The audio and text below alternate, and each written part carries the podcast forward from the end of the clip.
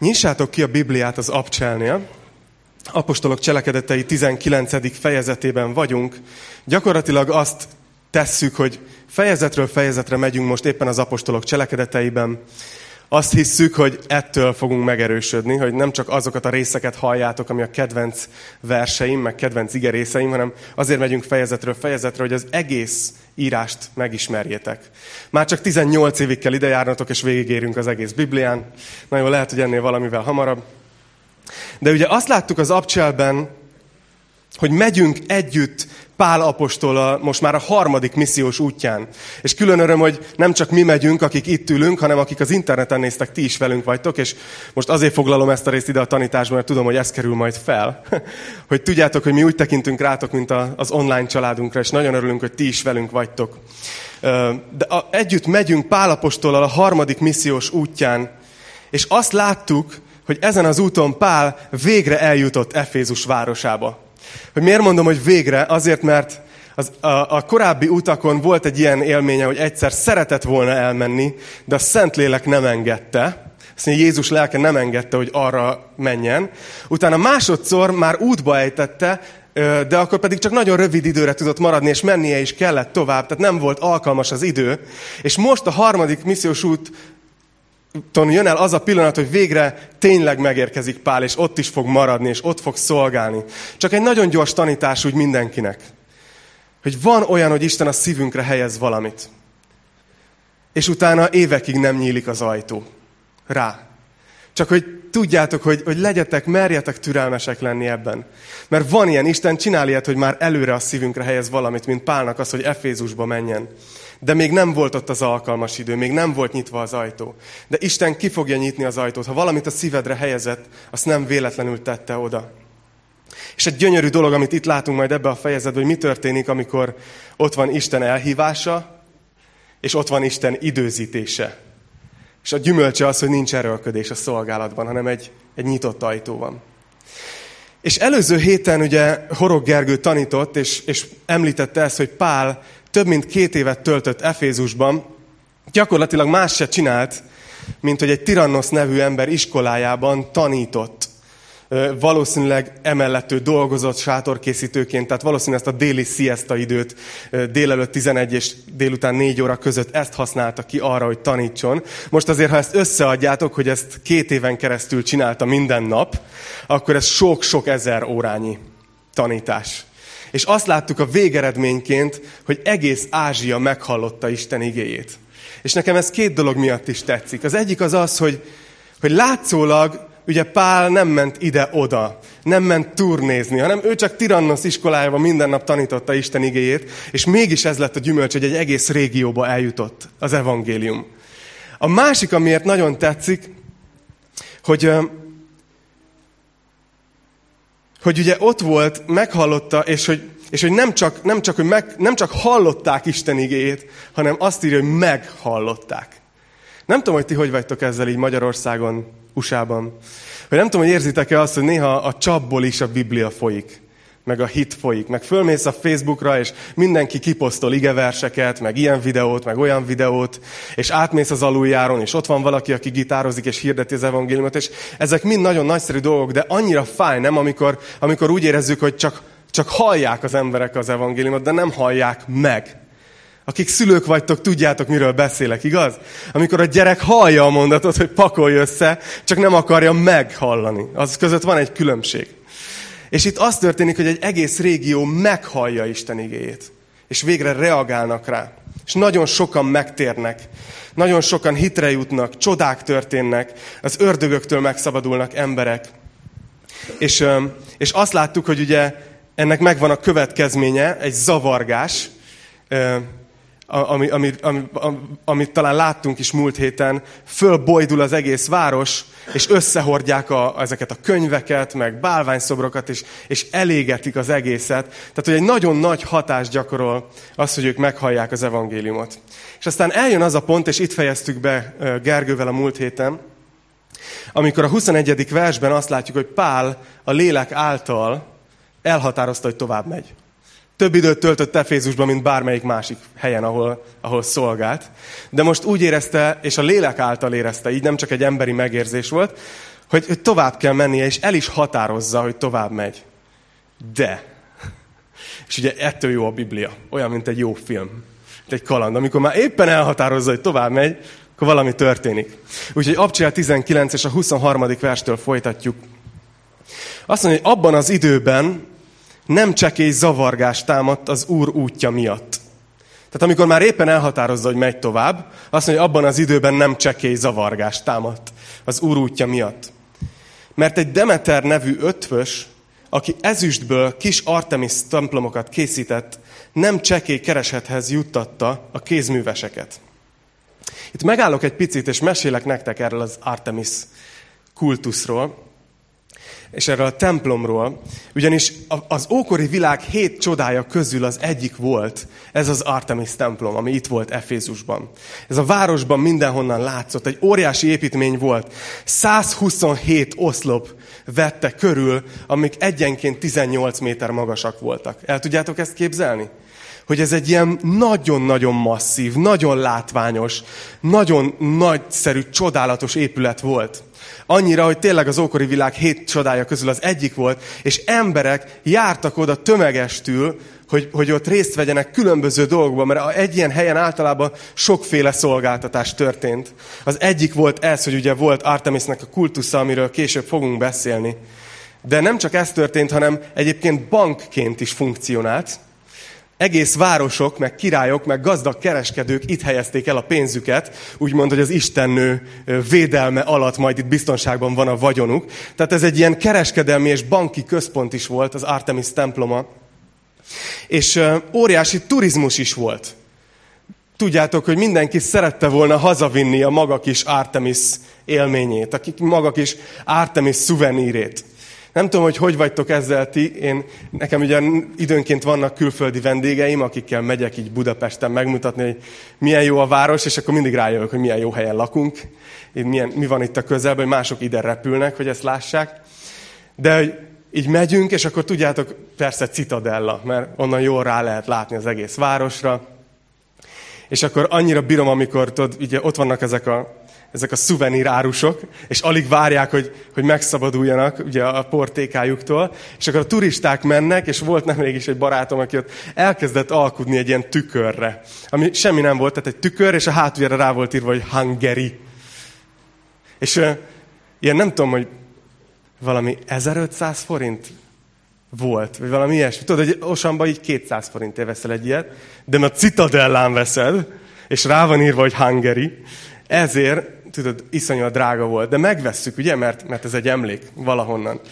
Így vitték a, az Artemis cuccokat haza az emberek Efézusból. Vagy amikor repülsz valahova, és elfelejtettél ajándékot venni a gyerekeidnek, és már mindegy, hogy a reptéren vagy méreg drága, de valamit veszel, mert ez onnan van. Amúgy rég nem ér annyit. Kedvencem, mivel a munkám miatt elég sokat járok, öm, Svájcba repülök, e-, ezért általában reptéren jövök rá, hogy valamit kéne venni, és akkor mindig ugyanabba a boltba betévedek ahol van egy, van egy, ilyen, egy ilyen tehén, és Svájc, ugye tej, csoki, és akkor megnyomsz rajta egy gombot, akkor így kiad egy ilyen svájci mút, és ez a, és ez a kis kütyű, ez 4000 forintba kerül. ez egy ilyen kis ekkora játék. Azt még nem vettem meg, de majd egyszer. Gyerekek kimentek a gyerekszolgálatba, nem hallották, jó? Különben behajtanák. Szóval az történik, hogy itt, itt támad egy ilyen óriási zavargás, a városban azt olvassuk, és az indítója egy Demeter nevű ötvös, akinek az evangélium veszélyeztette az üzletét. Mert az történt, hogy ahogy Pál hirdette az evangéliumot, és az emberek tértek meg, ez elkezdett gazdasági hatással lenni, és az emberek nem vették a kis Artemis szobrokat, hogy majd akkor hazamennek, és ezelőtt leborulnak, meg ezeket a kis szentélyeket. És a Demeter, aki ugye elég sok, azt mondja, hogy elég sok kézművesnek adott pénzt. Tehát valószínű ő volt a szervező, tudjátok, ő volt a brand, tehát, hogy Artemis by Demeter, vagy valamilyen, ő, ő, ő vitte a nevet, de egy csomó kézművesnek ő adott munkát, és ezért összehívta ezeket a kézműveseket, és azt mondta, hogy figyeljetek, nem fogy a termék, nem fogy a szuvenír, baj van. És ez csak egy gondolat, hogy az evangélium az mindig szabaddá teszi az embereket. És az a baj, hogy mindig voltak, mindig vannak és lesznek olyan emberek, akik abból profitálnak, hogyha az emberek nem szabadulnak meg, hanem rabok maradnak. És ez igaz egyébként, egyébként fizikailag is. Ugye vannak olyan cégek, vannak olyan iparágak, amelyek arra szakosodnak, hogy te maradj függő, legyél függő valamitől, mert nekik ettől van, ebből van a profitjuk. Igaz? Nem mondok neveket, mert beperelnek. De ugyanígy megvan ez szellemileg is, azt látom. Hogy ebbe a vallási szervezetek specializálódnak, amikor embereknek az biztosítja ugye a pozícióját, a tekintélyét, hogy más embereket rabságban tartanak. És ez egy nagyon, nagyon gonosz dolog, általában nem tudatos dolog, és egy nagyon szomorú dolog. De az a helyzet, hogy az emberi szíven van egy fogantyú, amit úgy hívunk, hogy bűntudat. Hogyha én rá tudlak venni, Zsolti, hogy bűntudatod legyen, és el tudom veled hitetni, hogy ha te nekem hiszel, akkor ez a bűntudat enyhülni fog, akkor akármit megcsinálok veled. Tudlak manipulálni. És ez, ezért ez egy óriási veszélyes dolog, és ez sok-sok-sok helyen jelenlévő dolog. De az evangélium, az igazi evangélium, az mindig szabaddá teszi az embereket. Egyébként a vallási vezetőknek ezért gyűlt meg a bajuk Jézussal. Emlékeztek? Mert hirtelen az emberek hallották, hogy ja, hogy Isten úgy szerette a világot, hogy, hogy elküldte a fiát, hogy majd ő meghal értünk. Hogy tényleg nem az számít, hogy a betűt megtartsuk ilyen nagyon szigorúan. És az emberek elkezdtek szabad, felszabadulni. Azok az elnyomottak, akár prostituáltak, vámszedők és a, a társadalomból kivetett emberek, akik egész eddig nem tudhatták maguknak a szabad státuszt. Ott lógtak Jézus körül, mert Jézus körül ilyen szabad levegő volt. És utána jöttek a vallási vezetők, és morogtak rájuk. A gyerekekkel megyek végig a gyerekbiblián, egy ilyen alkalmazás, és ott van egy ilyen hang, amit a farizeusok adnak. Ha így rájuk kattintasz, egy csoport farizeus, akkor ilyet csinálnak, hogy Tudod, hogy, hogy hogy morognak egymás között. És, és mindig alig várják a gyerekek, hogy hol vannak már farizeusok. És aztán nem tudtak mit kezdeni Pál megtérésével, hogy most már miért nem csinálja azt, hogy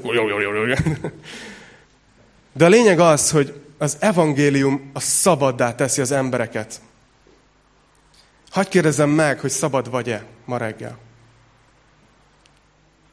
Mert azt hiszem, hogyha nem, akkor, akkor el kell hinned az evangéliumot. Hogy ne tudja többé senki kihasználni ezt a fogantyút, amit bűntudatnak hívunk. Hanem csak tudj élni szabadon Isten szeretetében. És ez egy folyamat, amíg ezt elfogadjuk, elhisszük. De itt ez történt, hogy itt Demeter, ugye, és a kézművesek, akiknek munkát adott, nem örültek annak, hogy az emberek felszabadulnak a bálványimádásból. És ezért, ami történik, hogy összehív egy csapattalit. Ugye pár hete nekünk is volt szolgáló csapattalink, ez egy másfajta csapattali, ez egy ilyen munkaértekezlet, hogy Demeter, a nagyfőnök behívja a, a kézműveseket. Azt mondja a 25. vers, hogy ez az ember összegyűjtötte a kézműveseket, valamint a hasonló foglalkozásúakat, és így szólt hozzájuk. Férfiak, tudjátok, hogy ebből a mesterségből származik a mi jólétünk. De látjátok és halljátok, hogy nem csak Efézusban, hanem szinte egész Ázsiában nagy tömeget nyert meg, és vezetett félre ez a pál, aki azt mondja, hogy amiket emberkéz alkot, azok nem istenek. Itt megállok egy picit. Demeter egy nagyon ügyes szónok. Úgy kezdi a mondandóját, hogy figyeljetek, jól éltek, ugye? Jó dolgotok van. Ugye tudjátok, hogy ebből származik. És most ezt valami veszélyezteti. És azt mondja, hogy itt van ez a pál, aki egész Ázsiában nagy tömegeket nyert meg és vezetett félre. Mert azt mondja, hogy amiket emberkéz alkot, azok nem istenek. Azon gondolkoztam, hogy ez milyen ilyen indirekt elismerés Pálnak, nem? Hogy, hogy itt van egy ötvös, aki az ellenség táborában van, az ellenfél táborában, és azt mondja, hogy Pál nagy tömegeket nyert meg. Azt mondja, az egész város, meg az egész régió feje tetejére állt. Azért bárcsak elmondanák ezt rólunk, nem? És ezt mind úgy, hogy Pál igazából nem, nem beszélt Artemis ellen, az Artemis kultusz ellen. Pál egy dolgot csinált, az evangéliumot tanította, és az evangélium tette szabaddá az embereket. Egyszerűen minden nap tanított Tirannos iskolájában, és mégis ekkora hatása volt. Képzeljétek, hogy annyira, hogy ezt találtam így kommentárokban, hogy megtaláltak egy levelezést két római hivatalnok közül, között, akik közül az egyik Efézusban állomásozott, a másik valahol máshol, és a levelezésben, ebben az e-mailben le van írva, hogy, hogy óriási gazdasági átalakulás van Efézusban a keresztény tanítás miatt. És kérdezi ez az egyik hivatalnak a másikat, hogy szerinted közbe kell avatkoznunk, vagy nem, vagy mi legyen. És mindezt úgy, hogy Pál egyszerűen az evangéliumot hirdeti. Szóval jó, hogyha, hogyha emlékeztek erre, hogy, hogy az evangéliumnak, az egyszerűen az evangélium tanításának társadalom átformáló ereje lehet. Nem tudom, hogy ti hogy vagytok ezzel, hogy láttok-e olyan dolgokat a világunkban, amin érdemes lenne változtatni. Láttok-e olyan problémákat, amire azt gondoljátok, hogy, hogy ezt jó lenne megoldani? Szerintem mindannyian láttok, ugye? Most hagy robban csak pár ilyen bombát, jó? Itt van, itt van például a cigány kérdés. Így feszíti szét a magyar társadalmat. Te, mint keresztény, mitől várod a megoldást ebben? Abból várod, hogy majd az országház, a parlament majd hoz olyan törvényeket, amik majd jobban elősegítik az integrációt? Ezek a törvények nagyon fontosak, és ők megteszik, amit tudnak. De azt látnunk kell, hogy a törvények csak egy darabig tudnak elmenni. Na, ne ilyen még egy ilyen nehezet mondjak. Például ugye van gyorshajtás, vannak a gyorshajtásból fakadóan halálesetek, és ez ellen mit tesz a, a társadalom? Hogy kiáll az ember, emberünk egyenruhában trafipaxal, igaz? És mi meg együtt mondjuk, hogy undorító. Megvan? Azt gondoljuk, hogyha kiteszünk egy szabályozást, akkor majd az emberek megváltoznak, és majd nem vezetnek gyorsan. De mi történik? Jön szembe, és villog, hogy vigyázz rendőr, és mindenki, oh, köszi, és lassítunk le. De hosszú távú változás nem ér el bennünk, igaz? Egy, egy átmeneti viselkedés módosítást elér a dolog, de nem változunk meg belül. Itt vannak ugyanezek a dolgok, amikor, amikor most volt néhány hete a Pride, melegjogok és a társai. Itt van, amikor a keresztények neki mennek az egész világnak, hogy, hogy abortuszt azt, azt nem szabad engedélyezni. És mint hogyha néha mi keresztényként is azt gondolnánk, hogy a megoldás a törvényhozásban van. Hogyha, hogyha a parlament kézbe venné, hogyha születne ilyen törvény, ha betartanák, ha lenne megfelelő intézményrendszer, stb., akkor majd jó lenne. És közben azt látjuk, hogy a valódi társadalom átformáló ereje az egyszerűen az evangélium hirdetésének van. És majd hozok erre példákat is. De azt látjuk, hogy Demeter ezen a ponton csak, csak annyit lát, hogy veszélyben a biznisz. És azt mondja, hogy ebből származik a mi jólétünk, veszélybe van. És nézzétek, a 27. versben emeli a tétet. Azt mondja, hogy nem csak az a veszély fenyeget azonban, hogy a mesterségünk csődbe jut, hanem az is, hogy a nagy istennőnek, Artemisnek a templomát is semmibe veszik. És így ő, akit az egész Ázsia és az egész földkerekség tisztel, el fogja veszteni a dicsőségét. Demeter nagyon ügyesen beszélt. Először beszél a jólétről, és hogy ez veszélybe van, és utána pedig elkezd arról beszélni, a vallási húrokat, a büszkeségüket megpendíteni, hogy de nem csak ez a baj, hogy nekünk rosszul lesz, mert ezt még elviselnénk, de hogy Artemisnek a dicsőségén csorban essen. És ugye ők efézusiak voltak, nekik az identitásuk ezen alapult, hogy, hogy mi abban a városban élünk, ahol itt van Artemis temploma, a nagy istennő temploma, és mindenki idejön, és őt tiszteli, mi pedig itt lakunk. Nekünk nem kell Airbnb-t foglalni, meg hotelszobát, hanem mi csak itt lehetünk. Erre épült a büszkeség, és Demeter ezt piszkálja meg, hogy ami most történik, az veszélyezteti ezt. Azt mondja, hogy Artemis el fogja veszteni a dicsőségét. És nézzétek, mi történik, milyen hatást vált ki a beszéd. Azt mondja a 28. versben, amikor ezeket meghallották, haragra gerjedtek. És így kiáltoztak, nagy az efézusi Artemis. A zűrzavar kiterjedt az egész városra. Tehát itt nem tudom, hogy magatok elé tudjátok-e képzelni ezt. Lehet, hogy ez valamilyen műhelybe történt. Nem tudom, hogy hol tartották ezeket a ezeket a meetingeket, de gyakorlatilag ott van Demeter, mondja a beszédét, és a kézművesek egyre jobban néznek egymásra, hogy fú, hallod, ez tényleg veszélyes, tényleg durva dolgok következnek, ha ez így megy tovább, és, és egyre jobban pöccennek be. És oda, oda jutnak, hogy elkezdenek kiabálni, hogy nagy az Efézusi Artemis. De nem csak így, így ott egymás között, hanem nem tudom, lehet, hogy nyitva volt az ablak, és, és már oda is kiüvöltöttek, és aztán elkezdtek menni az utcán, nem tudjuk, hogy hány emberről van szó. De azt mondja, az egész város előbb-utóbb felbojdult. Felfordult egész Efézus városa, és ment ez a kiabálás, hogy nagy az Efézusi Artemis. Olyan, mintha csak egy ilyen szikrát bedobnának, a, a, ugye, egy ilyen szikra lenne az olajra, és, és lobban az egész. Behergelődik az egész város. És ezen gondolkoztam, hogy, hogy mi talán ritkábban tapasztaljuk meg, de hogy az evangéliumra lehetnek ilyen heves reakciók. Nem tudom, hogy hallottatok-e, vagy mennyire ismeritek az üt ami a 19. század végén indult. Ez egy felekezet közi szolgálat, aminek ugye az volt a lényege, hogy, hogy ilyen zenés felvonulásokat csináltak eleinte leginkább, ugye, és az utcán prédikáltak, és rengeteg ilyen szeretet akciót, ilyen, ilyen irgalmasság akciót végeztek, szegényeknek segítettek, stb. És képzeljétek el, hogy ennek az evangéliumnak, ahogy, ahogy képviselték ezt, ugyanúgy ilyen gazdasági hatása lett, mint Efézusban. Úgy, hogy ebben a városban, ahol indult, konkrétan a kocsma tulajdonosok és a prostitúciónak az üzletemberei, most nem akartam más szót használni, ők összefogtak, és azt mondták, hogy ez így nem jó, mert nincs biznisz. Tehát konkrétan kocsmák kezdtek bezárni, és, és bordélyházak kezdtek bezárni. És ezért megszerveztek egy ellenhadsereget, aminek az volt a neve, hogy csontvász hadsereg. Ezzel utaltak arra, hogy mit szeretnének csinálni az üt hadseregből.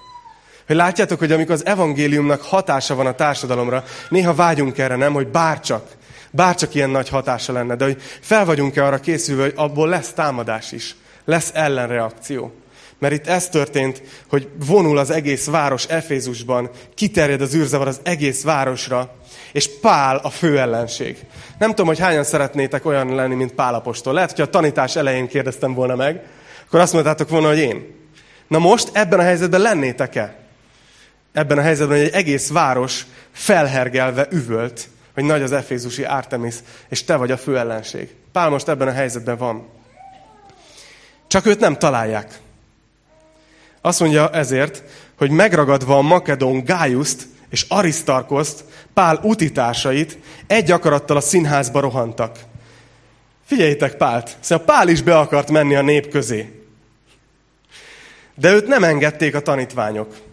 Néhány tartományi főtisztviselő, aki a barátja volt, szintén üzent neki, és kérte, hogy ne menjen el a színházba.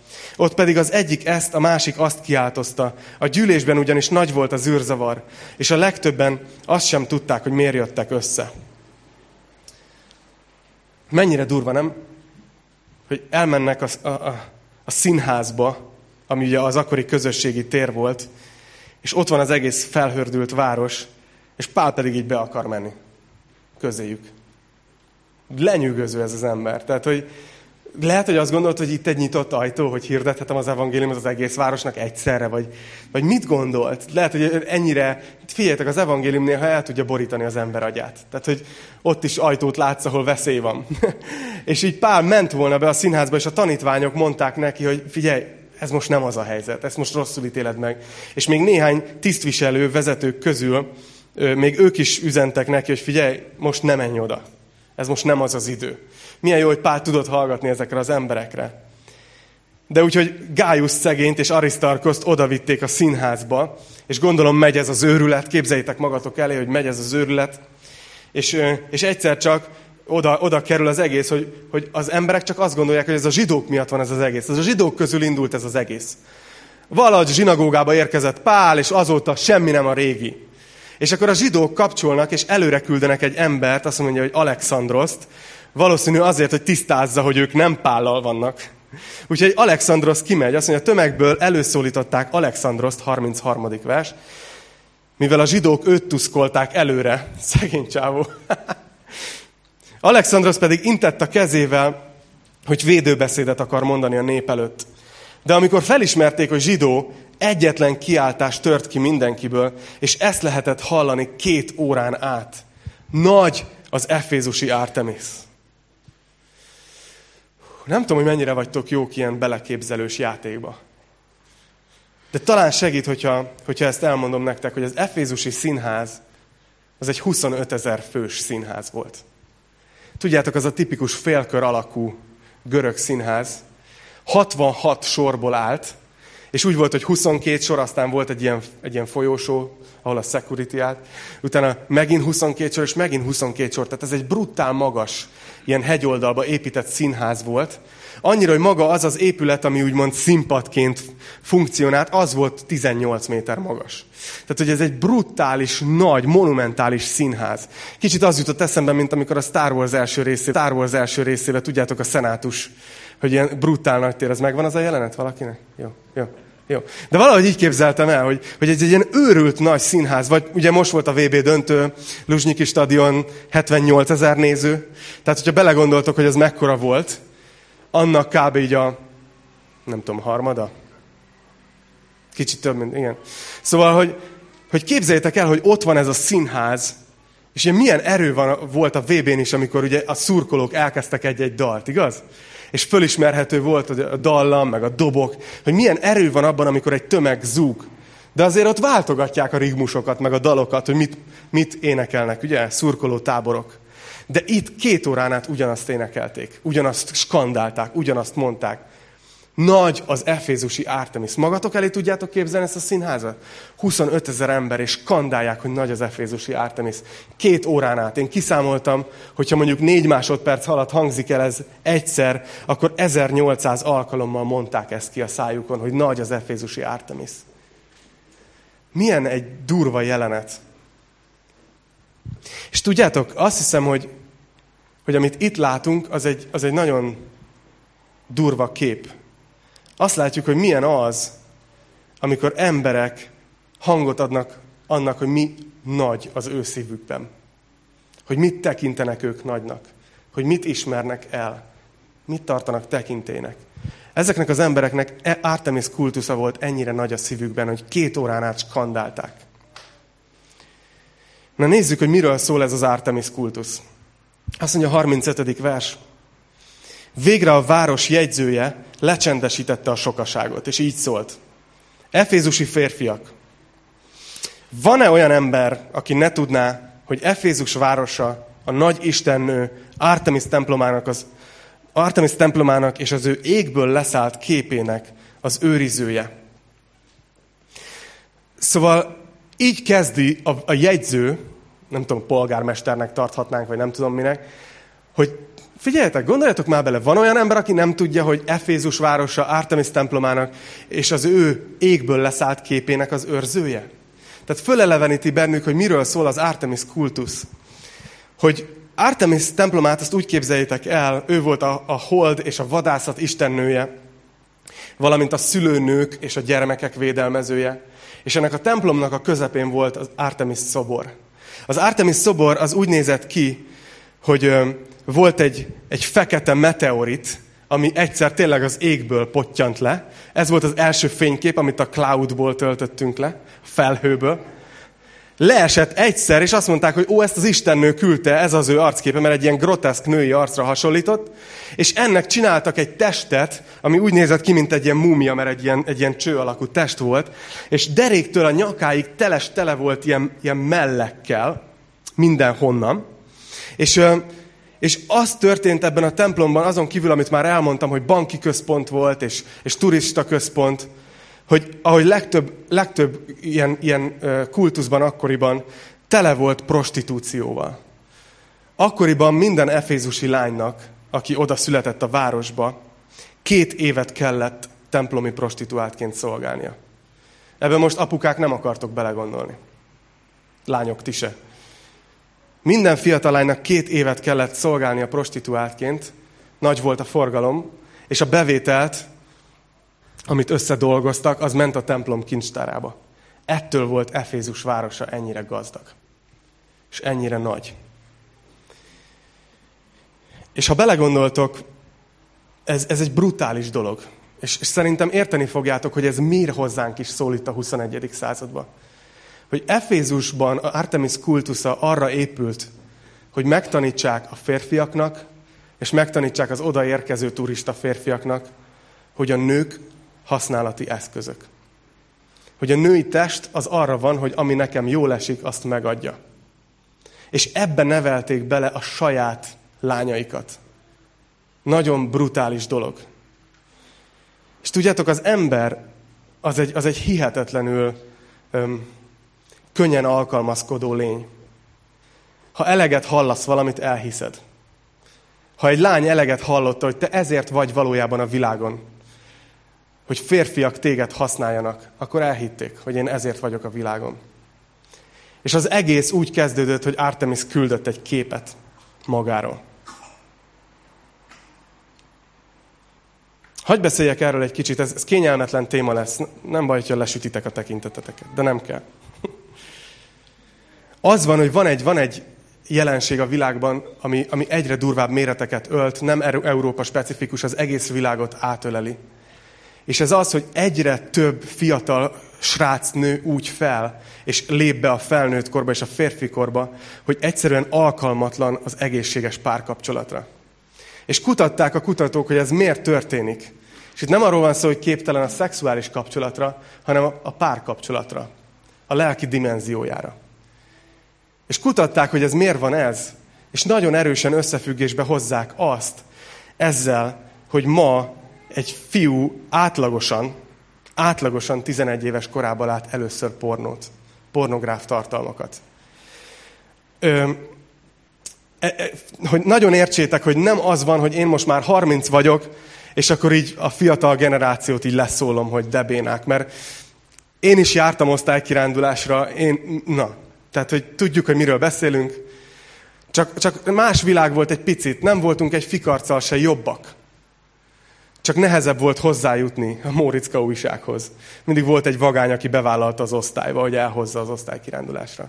De ma egy olyan generáció nő fel, akinek a kezében ott van az összes pornográf tartalom, amit a világon előállítottak. Egy, egy gomnyomásra.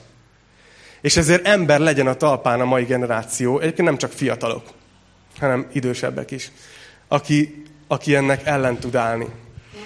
De a nagyon, nagy dolog nem az a célom ezzel a, ezzel a részével a tanításnak, hogy lelkiismeret furdalásotok legyen, hanem hogy értsétek meg, hogy ez mit csinál az agyunkkal, a férfi aggyal. Hogy ezek a filmek, ezek a képek gyakorlatilag arra tréningezik az agyunkat, hogy a nő az egy használati tárgy. Hogy semmi más rendeltetése nincs, mint hogy az én vágyaimat kielégítse. És ezért van az, hogy belépnek srácok után a párkapcsolatba, és máshogy működnek a dolgok és szenved a srác, és szenved a lány, mert nem tudja azt nyújtani, nem is akarja azt nyújtani, és beteg az egész. És utána vádolja magát a lány, mert azt gondolja, hogy ez a normális. Szóval egy őrület nagy dolog van, és lehet, hogy Artemis kultusz annyira nem is, nem is ért véget. Ma már ugye senki nem tiszteli így Artemist, így, mint kimondva, hogy Artemis Isten. De lehet, hogy ugyanazokat a dolgokat magunkkal hozzuk ebbe a korba. A jegyző ezt mondja, hogy ti tudjátok, hogy, hogy Efézus városa Artemis istennő templomának és az ő égből leszállt képének az őrizője. És úgy folytatja, hogy mivel tehát ezt senki nem vitathatja, nyugodjatok meg, és ne kövessetek el semmiféle meggondolatlanságot, mert idehoztátok ezeket az embereket, akik nem templomrablók, és nem is káromolják a mi istennőnket, ha tehát Demeternek és a hozzá tartozó kézműveseknek panaszuk van valaki ellen, vannak törvénykezési napok, és vannak helytartók, pereljenek ott egymással. Ha pedig ezen kívül van valami kívánságotok, az törvényes népgyűlésen kell elintézni. Mert így is az a veszély fenyeget minket, hogy lázadással vádolnak a mai nap miatt, nincs ugyan, ugyanis semmiféle ok, amelyel meg tudnánk magyarázni ezt a csődületet. És ezt mondva feloszlatta a gyűlést. Szóval ahogy Demeter jól meg tudta piszkálni a húrjaikat, a, mindig köművest akarok mondani, de kézművesek. Ugyanígy a, a jegyzőnek is volt egy eszköztára, és arra emlékezteti őket, hogy tudjátok, hogy Róma nem bánik annyira szeliden azokkal a városokkal, ahol ilyen tömegjelenetek vannak, ahol ilyen lázadások vannak. Nehogy ezzel vádoljanak minket, mert azzal jön a nagyobb római jelenlét, jönnek a magasabb adók, tehát szépen mindenki nyugodjon le, és menjen haza. Feloszlatja a gyűlést. De hagy, hagy térjek vissza erre a, erre a jelenetre. Nem is fogunk már itt az abcselben tovább menni, de fogok még felolvasni az igéből egy részt. Mert ahogy, ahogy készültem és gondolkoztam ezen, vissza-vissza tért a szívem erre, erre a jelenetre, erre a, ott van a stadionban 25 ezer ember, és skandálják, hogy nagy az Efézusi Artemis. És ezen gondolkoztam, hogy mennyire erőteljes kép ez az imádatról. Hogy Artemis egy istennőnek a neve ennyire erőteljesen egy városban fel van emelve, imádva van. Úgyhogy úgy döntöttem, hogy, hogy szeretnék, mint egy festő, egy másik képet elétek festeni, elétek tenni. Két imádat. Az egyik, amit most megnéztünk, itt történik Efézusban, a színházban, és Artemis imádatáról szól. A másik kép, amit látunk, az a jelenések könyvében van. Egy másik imádatról. Egy nagyszabású imádatról. Hagy olvassak fel nektek, elég hosszú részt fogok felolvasni, de ne kapcsoljatok standby-ba, hanem próbáljatok beleképzelni magatokat, hogy ott vagytok. Mert ott lesztek. Azt mondja a jelenések könyvében, azonnal elragadtattam lélekben, és íme egy trónát a mennyben. És a trónon ült valaki. Aki ott ült, úgy ragyogott, mint a jáspis és a karneol. És a trón körül szivárvány ragyogott, mint a smaragd. A trónból villámok törtek elő, hangok és mennydörgések. A trón előtt pedig hét lámpás égett, lobogó lánggal az Isten hét lelke. A trónnál középen és a trón körül négy élőlény. Elől és hátul tele szemekkel. Szünet nélkül, éjjel és nappal ezt mondták. Szent, szent, szent az Úr, a mindenható Isten, aki volt, aki van és aki eljövendő. És amikor csak dicsőséget, tisztességet és hálát adtak az élőlények a trónon ülőnek, aki az örökkön örökké élő, leborul a 24 vén a trónon ülő előtt, és imádja az örökkön örökké élőt. És a koronájukat is leteszik a trón elé, és ezt mondják, méltó vagy, Urunk és Istenünk, hogy tied legyen a dicsőség, a tisztesség és a hatalom, mert te teremtettél mindent, és a, minden a te akaratodból lett, és teremtetett. Mekkora kép az imádatról, igaz? Nem tudom, hogy ki van már ott lélekben. Hogy ugyan ezeket a szavakat mondják, hogy tied a dicsőség. És ez itt még a trónon ülőről szól, az atyáról. De nézzétek, hogy megy tovább, és itt jön be Jézus a képbe. És láttam, hogy a trón, a négy élőlény és a vének között ott áll a bárány. És új éneket énekeltek eképpen. Méltó vagy arra, hogy átvedd a könyvet, és feltörd annak pecsétjét, mert megölettél, és véreddel vásároltad meg őket Istennek minden törzsből és nyelvből, minden nemzetből és népből. És mi Istenünk papjaivá és országa népévé tetted őket, és uralkodni fognak a földön. És látomásban sok angyal hangját hallottam, a trón, az élőlények és a vének körül. Számuk tízezerszer tízezer és ezerszer ezer volt. És így szóltak hatalmas hangon, méltó a megöletett bárány, hogy övé legyen az erő, és a gazdagság, a bölcsesség és a hatalom, a tisztesség, a dicsőség és az áldás. És hallottam, hogy minden teremtmény a mennyben és a földön, a föld alatt és a tengerben, és mind, minden, ami ezekben van, ezt mondta, a trónon ülőjé, és a bárányé az áldás, és a tisztesség, dicsőség és a hatalom örökkön örökké. És a négy élőlény így szólt, Amen. És a vének leborultak, és imádták őt. Azért szerettem volna hosszabban felolvasni így a jelenések könyvéből, hogy, hogy ábrázolódjon, ez, ez a két kép maradjon a szemetek előtt a héten, ahogy mentek, és folytatjátok az életeteket. Mind a kettő imádatról szól. De mennyivel erőteljesebb az, amit a jelenésekben látunk, nem? mennyire brutális, hogy nem azt mondja, hogy 25 ezer, hanem hogy ezerszer ezer, és tízezerszer tízezer. És ilyen élőlény, és olyan vének, és követni se tudjuk.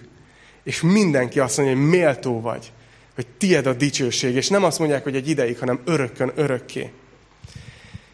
Tudjátok, azt, az a képet láttuk a, a, a jelen, az abcselben, hogy, hogy nagy az efézusi Artemis.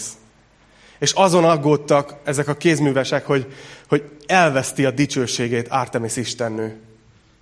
Hát hivatalosan és örömmel jelentem be, hogy el is vesztette. Azt a templomot, amire annyira büszkék voltak, 1869-ben találták meg a régészek. Addig azt se tudták, hol van. És 1965-ben ásták ki a főoltárt. Jézus Krisztust viszont az a nap óta, hogy eljött gyakorlatilag, mert ott jöttek, a, ugye, akik már babaként tiszteletet tettek neki. Azóta az ő imádata egyetlen egy napra, egyetlen egy órára sem szűnt meg ezen a földön.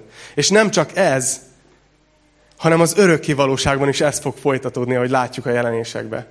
Jézus Krisztus imádata az egy brutálisan nagy imádat. És gyakorlatilag nem két óráig fog belőlünk kitörni ez, hogy méltó a megöletett bárány, hanem egy örökké valóságon át fogjuk ezt mondani, hogy szent, szent, szent az Úr. Ezen gondolkoztam, hogy, hogy milyen lehetett Pálnak hallgatni ezt, nem? Ott van a színházon kívül valahol, ez egy nyílt, ez egy szabadtéri színház volt. Tehát ha 25 ezer ember üvölti, hogy nagy az efézusi Ártemiszt, azt akárhol meghallod a környéken. Mennyire szerintetek elgondolkozott Pál azon, hogy, hogy lehet, hogy én látom rosszul, hogy itt Jézus Krisztust imádom, és hát látszólag teljesen ellenszélbe vagyok. Látszólag mindenki más Ártemiszt imádja ebben a városban. És lehet, hogy megtértek, de elég egy csődület, és újra látjuk, hogy mennyien vannak a másik oldalon. Lehet, hogy elbizonytalanodott, lehet, hogy remegett. De én azt gondolom, hogy nem. Én azt gondolom, hogy Pál már itt bekapcsolódott abba az imádatba, ami a jelenésekbe folytatódik. Hogy ő már itt annyira imádta Jézust, hogy kimert lógni a sorból. És ezért adtam ezt a címet a mai tanításnak. Remélem megjegyzitek, hogy merj kilógni a sorból. Lehet, hogy a világ valami tök más dolgot imád, mint amit te imádsz, hogy Jézus Krisztust. És lehet, hogy időnként nagy a nyomás rajtad, hogy te is azt imád, amit ők de merjetek kilógni a sorból. Ez a záró gondolatom, hogy az ember úgy lett megteremtve, azon túl, hogy két fül, egy orr. A belsőnk, a lelkünk úgy lett összerakva, hogy mi imádó lények vagyunk. Hogy minden ember imád valakit. És itt most nem a, nem a hétköznapi értelmében használjuk, mert a mai magyar nyelv az, az úgy használja, nem, hogy mm, imádom ezt a Milánóit, mm, kislányom imádlak, annyira imádni való kutyus vagy.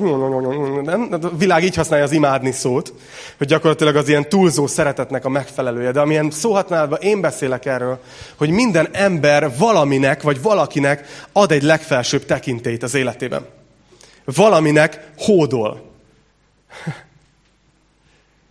És nagyon könnyű kitalálni, hogy, hogy kit imád az, imádsz. Inkább így mondom, nem másokról beszéljünk, beszéljünk magunkról. Nagyon könnyű kitalálni, hogy mit imádunk igazán, hogy mit teszünk az első helyre. Ilyen egyszerű kérdésekkel, hogy mire áldozod a pénzedet, mire áldozod az idődet, mire áldozod a gondolataidat, az, a mentális energiádat. Mi az, amitől, amitől megijedsz és félsz? Ezek a dolgok rávilágítanak bennünk is dolgokra. De azt mondja a Biblia, hogy nem az, az a megoldás, hogy mi elkezdünk küzdeni ezek ellen, hanem hogy elkezdjük Istent imádni. És a többi dolog eltűnik az életünkből.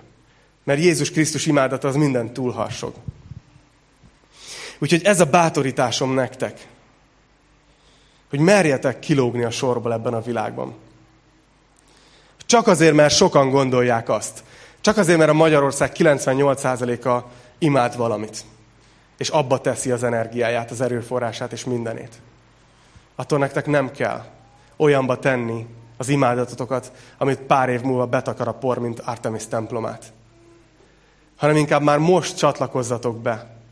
Ahogy Péter mondja, ez 1 Péter 3.15-ben, hogy az Urat, a Krisztus tartsátok szentnek szívetekben. Ez nekem egy annyira fontos gondolat, hogy, hogy ma is, ahogy hazamész, vagy akár itt a dicsőítő dalok alatt, hogy megyünk tovább mindjárt. Csak menj oda az Úrhoz, és tedd vissza őt, az őt megillető helyre. Lehet, hogy benned ezer hang mondja azt, Hogy nagy, nagy, nagy a jólét. Nagy, nagy, nagy a szerelem, az igaz szerelem. Nagy, nagy, nagy az akármi. Hogy csak hangozzon az, hogy nagy a názáreti Jézus Krisztus. Hogy méltó a megöletett bárány. És ez örökké tartani fog. Imádkozzunk.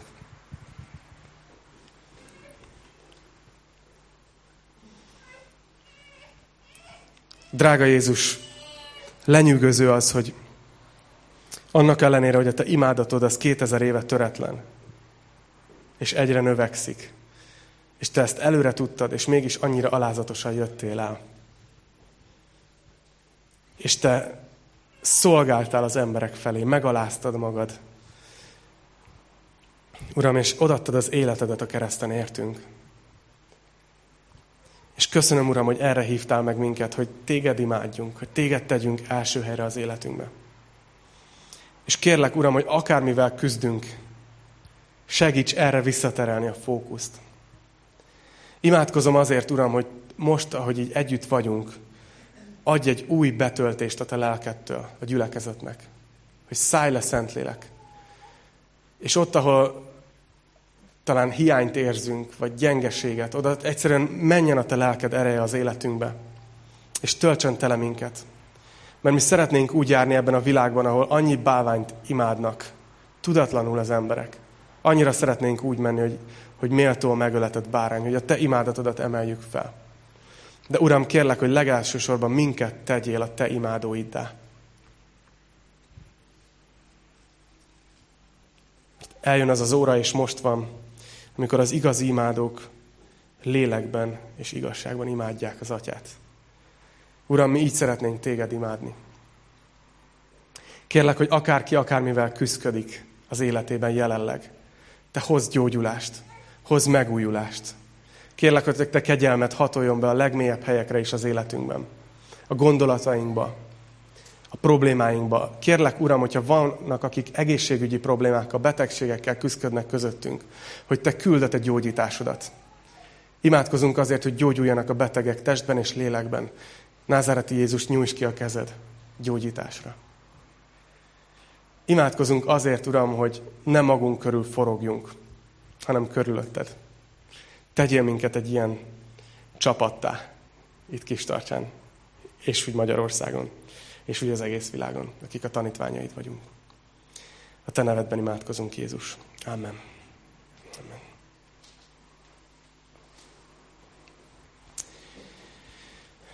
Nyújtózkodjatok egyet. Jelenések könyvéből visszajövünk kis tartsára. Szeretnék elköszönni azoktól, akik a, a neten keresztül néztetek minket. Remélem, hogy áldás volt nektek a tanítást, és jó kis lazítós vasárnapot kívánok nektek. Sziasztok!